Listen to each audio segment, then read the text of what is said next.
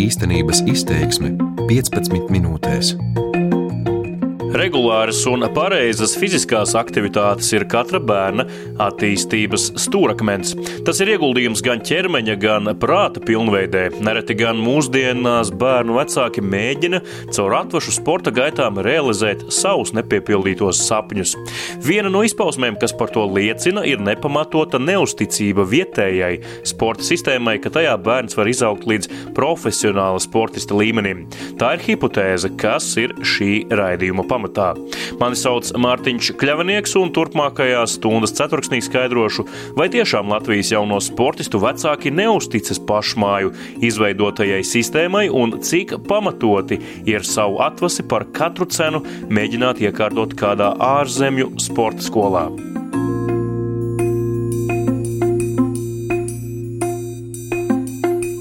Visā Latvijā sporta skolās ķermeņa spējas un izpausmes ar mērķi vēlāk tās samērot sacensībā pilnveido kopumā 39,858 bērni. Pēc izglītības un zinātnes ministrijas datiem visvairāk bērnu Latvijā trenējas basketbolā. Otrs masveidīgākais sporta veids ir futbols, bet trešajā vietā - vieglatlētika. Nereti par bērniem notiek sava veida cīņa, kurā sporta skolas sacenšas audzēkņu piesaistē.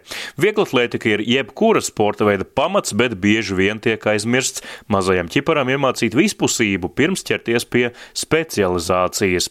Pašreizējā sistēma daudz atbildības uzliek uz jaunā sportista vecāku pleciem - nogādāšanu uz treniņiem un spēlēm, nodarbību apmaksa un inventāra iegāde, sekošana līdzi sekmēm mācībās. Jau 12 vai 13 gadu vecumā jaunajam sportistam bieži vien ir iespēja nokļūt kāda aģenta paspārnē, kurš ir ieinteresēts viņa attīstībā un visbiežāk nokļūšanai ārzemēs. Tad nu vecākiem jālemj vai piekrist aģenta piedāvājumam. Nu jau pilngadīgo dvīņu Nila un Naura sējēju tēvs Normons aptuveni 20 gadu bijis profesionāls hokejs, bet pēc karjeras treneris un Rīgas Dinamo hokeja komandas ģenerālmenedžeris. Viņš savus puikas jau 14 gadu vecumā iekārtoja klubā Šveicē. Šāds plāns ģimenei esot bijis jau tad, kad puikas spēra savus pirmos soļus uz ledus. Ja abi gribēs ar hokeju nodarboties profesionāli, tīņu vecumā doties uz ārzemēm, kur var apvienot hokeja hokeja spēlēšanu un izglītības iegūšanu, stāsta Normons Sējējs hokeju viņam neizspied, neviens neuzspied, un, teiksim, doma bija, ja viņi paši gribēs, jā, tad noteikti viņus kaut kur būs jāsūta. Viņus tā, lai viņi varētu pilnvērtīgi savienot eh, hokeju ar mācībām. Neizglītots jau un dumšs hokejs šobrīd ar viņiem nav vajadzīgs. Prieks nebija lēts, jā, un 14 gados aizbraucām. Daļu sarunāju es, daļu sarunāju arī Haris Vitoļņš. Eh, es jums teikšu, ka eh, tad, kad tie griezti ir sasniegti Latvijā, tad ir mazliet par vēlu braukt kaut kur prom. Bet, nu, jābrauc projām, ir 14, 15 gadu vecumā. Vai tur vecāki saka man, ka es esmu traks vai kā, bet nu, tas ir tas, jo ātrāk aizbrauks, jo ātrāk apgūs valodu un ātrāk integrēties tajā vietējā dzīvē, vietējā sabiedrībā un ātrāk pieņemt to. Tāds ir padoms. Nekādā ziņā nebrauks kaut kādām Amerikas zemākajām līgām, uz kaut kādiem maksas klubiem. Jā. Te es pat negribu fantazēt. Jā. Es domāju, ja viņi, ja viņi būtu Latvijā, tad es viņiem spiestu atstāt uh, hokeju hobijām un iet mācīties un studēt. Sējais atklāja, ka galvenais iemesls aizbraukšanai ir iespēja, ka ārpus Latvijas tīnis apgūs vajadzīgās zināšanas un prasmes lielākā konkurencē, kas viņu sagatavos profesionālajam hokejam. Papildus tās augtajās hokeja lielvalstīs viņš ir uz lielākas skatuves, kas palielina iespējas tikt pamanītam. Entuziastu hokeja līgas izveidotāja Jāņa Pūriņa deviņgadīgais dēls Alberts hokeja zinības apgūst pašvaldības hokeja skolā Rīga.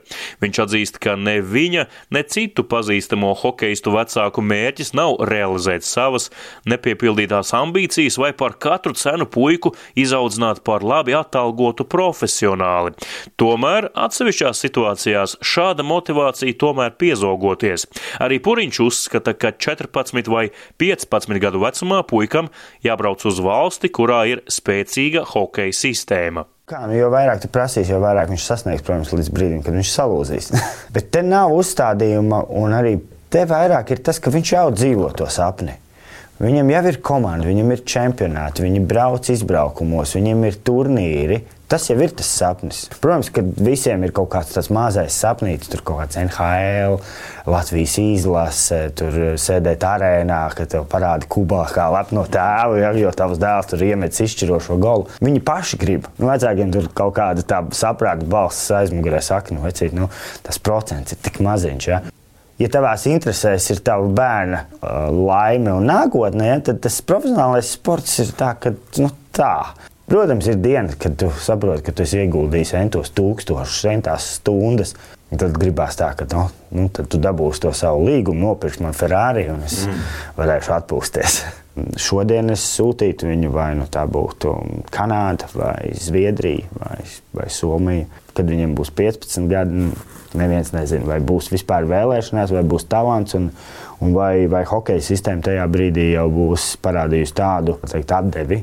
Varēs teikt, jā, labāk paliec te. Latvijas basketbola izlases kapteiņa Jāņa Blūma 14 gadus vecais dēls trenējas vienā no galvaspilsētas sporta skolām. Blūms aizstāv vietējo basketbola sistēmu un uzskata, ka tā var sagatavot bērnu profesionāla sportista karjerai. Nu, noteikti līdz kaut kādam laika posmam, es domāju, ka var. Jā, nu, kaut kādā ziņā jākontrolē stingri, bet uh, baigais tāds fans nē, ka, teiksim, kaut kādos 13, 14 gados brauc projām. Tīri te ir labi treneri un labi speciālisti mums. Pēc tam, kas nāk 18, tas ir cits jautājums. Tas ir, uh, mums, man liekas, tā problēma ir uh, tā pārēja no tā jauniešu uz to pieaugušo. Tur mums lielākā problēma, man liekas, Latvijas basketbolā. Tāpēc līdz tiem, es domāju, 17, 18 ļoti labi viņi, viņi te aug, bet pēc tam ir problēma, jo daudz talantu pazūd. Ko jūs vecāku, nezinu, WhatsApp čatā vai klātienē DSN tribīnēs apspriežat, tas ir temats. Nu, nezinu, manam dēlam braukt vai nebraukt. Jā, ko tu domā? Tīra pāris vecākiem tur jā, bet pagaidām viņam vēl jauni, tur 14 gadi. Bet, bet it kā jau laiks jau tuvojās. Bet, mm. uh, Skatīsies, es nezinu, es domāju, tā, nu, ja, ja tur tu baigais talants, tad, tad tur ir jēgas, man liekas, kaut ko braukt. Nu, ja tāds vidējs, tad nezinu, uz Amerikas ceļš arī ir tāds normāls. Nu, ja tāds, tad vienkārši nu, ir labi, ka kaut ko nodarbojās. Futbola, basketbola un arī hokeja federācija ieviesušas arī īpašus noteikumus, lai agrīnā vecumā bērniem nebūtu jādomā par savu individuālo statistiku. Nereti tas vecākiem ir tik svarīgi, ka viņi par katru vārtos neiemesto ripu vai grozā nedabūto bumbu izdara psiholoģisku spiedienu uz bērnu. Tā Latvijas radio atzina aptaujātie treneri. Mēs, nemaldos, pirms trim gadiem uztaisījām to tā saucamo pirmo lielo hokeja vecāku asambleju. Mēs uzskatām, ka mūsu viens no darbiem ir komunicēt. Ne tikai organizēt, bet arī komunicēt, izskaidrot, diskutēt. Latvijas Hokeja federācijas ģenerālsekretārs Viesturs Kozjols stāsta, ka organizācija aktīvi sadarbojas ar visām mazā hokeja attīstībā iesaistītajām pusēm. Vecāku asamblejas sēdes notiek regulāri, ir arī taustāmi rezultāti. Nekārtības tribīnēs, kad vecāki zākā trenerus, krietni mazinājušās. Mēs būsim ieviesuši pilnīgi visiem hokeja pārstāvētām grupām ētikas kodeksu, spēlētāju ētikas kodeksu, treneru ētikas kodeksu, tiesnešu ētikas kodeksu, vecāku ētikas kodeksu. Skatītāju ētikas kodeks un administrācijas ētikas kodeks. Mēs esam iezīmējuši tādas nu, sarkanās līnijas. Nu, ir klubi, kur netiek to galā, Un ir klubi, kur ļoti labi tiek galā. Ir vecāki, kuri nešaubīgi jau zina, kurā NFL komandā bērni 12, 12 mm -hmm. bērni spēlēs, un ka viņam būs māja jau tieši tādā hokeja pilsētā un blakus arēnai un tā tālāk. Bet tā ir tā problēma, ka tie bērni, vecāki mēģina realizēt savus sapņus saviem bērniem. Tā ir, tā ir lieta, nu, nu, kur, kur vecākiem pašiem jātiek galā ar to. Jā. Kozjola teiktajam par vecāku mēģinājumu savas ambīcijas realizēt caur bērnu sportošanu piekrīt arī citu sporta veidu pāraugi. Daudzi vēlas, lai viņu atvase kļūst par nākamo Kristapu Porziņu vai Helvi Merzļīkinu. Tāpēc arī bieži vien vecāki piekrīt sava bērna karjeras plānošanu uzticēt aģentam, kuru mūsdienās ir daudz, bet ne visiem mērķis ir palīdzēt jaunajam atlētam. Ja mēs desmit gadu atpakaļ varējām savādāk skatīties 18 gadnieks, tad tagad jau aģents skatās 13 gadnieks un 14 gadnieks. Ja? Basketbola aģents Raivis Ušatskis pauž, ka vienmēr cenšas komunicēt ar visām iesaistītajām pusēm. Arvien vairāk esot gadījumu, kad vecāki nepamatoti vēlas bērnu iekārtot citas valsts sporta skolā, jo neusticas sistēmai Latvijā.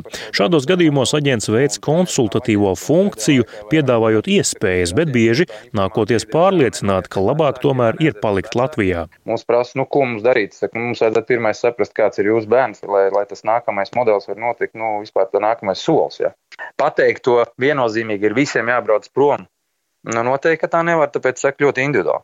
Lielākā daļa, kas ir aizbraukuši, nu, neviens negrib atpakaļ braukt. Tas gan ir taisnība. Ir bijis, kur mēs sakam, nē, tam puikam labāk ir mācīties, viņam ir tur labas sekmes, viņam jābrauc uz Ameriku, kādas ir tās sekmes, kādas ir valodas zināšanas, kāds ir tas basketbola līmenis. Jā, nu man pašam ir divi bērni. Man pašam dēls sāka hokeju tās investīcijas, kas ir no vecākiem un, un, un tās expectācijas, viņas ir trakas. Pēc gada teiksim, mēs pieņēmām lēmumu, ka nē, nodarboties ar citiem sporta veidiem un vispār jau sagatavotību. Puika trenējās patreiz kaut kādos četros sporta veidos. Daugavas sporta nama basketbola treneris Mārtiņš Fomins sakās pieredzējis dažādas aģentu komunikācijas metodes. Viņa prāta sadarbība jāveido tā, lai viedokļiem var apmainīties gan bērna treneris, gan vecāki, gan arī aģents. Kad no Instagram es vienkārši uzzināju, ka mans spēlētājs ir uh, Spānijā, atrādās, tad es biju tāds bišķīt nošokēts.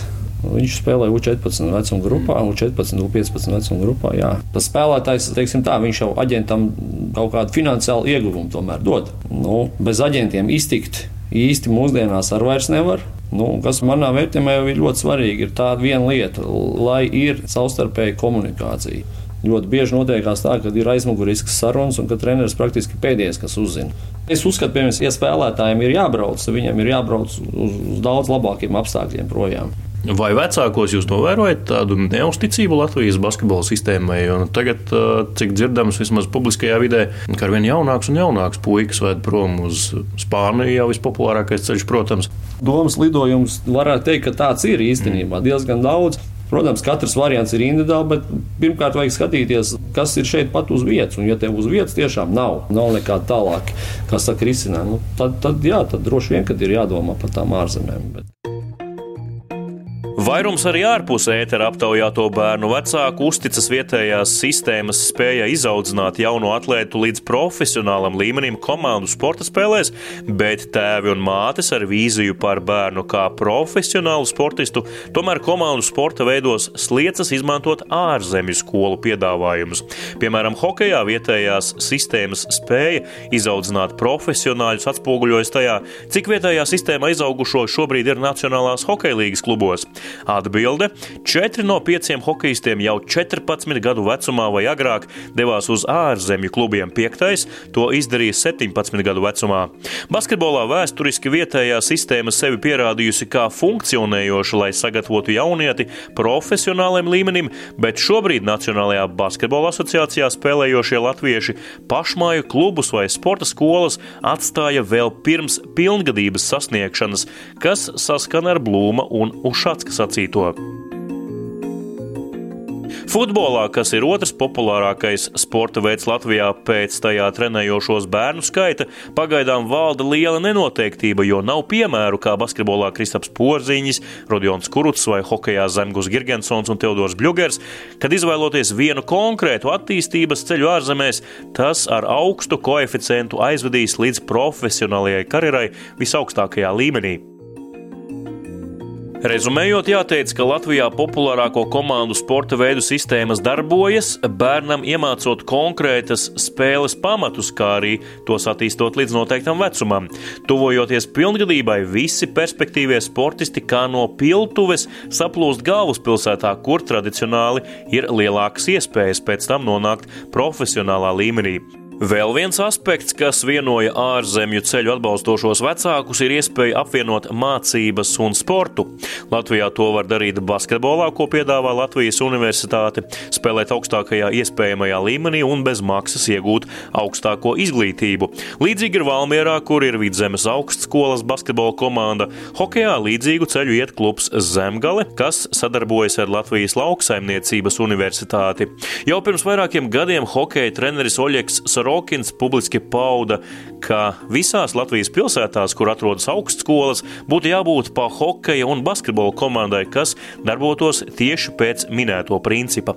Ja Ventspils, Liepāja, Jēlgava, Valmiera, Daugopils un Rēzekne izveidotu studentu sporta komandas, kas startētu visaugstākajā līmenī Latvijā, jauno sportistu vecākiem noteikti būtu saistošāk savas atvases mudināt pievienoties šīm vienībām, nevis doties uz ārzemēm.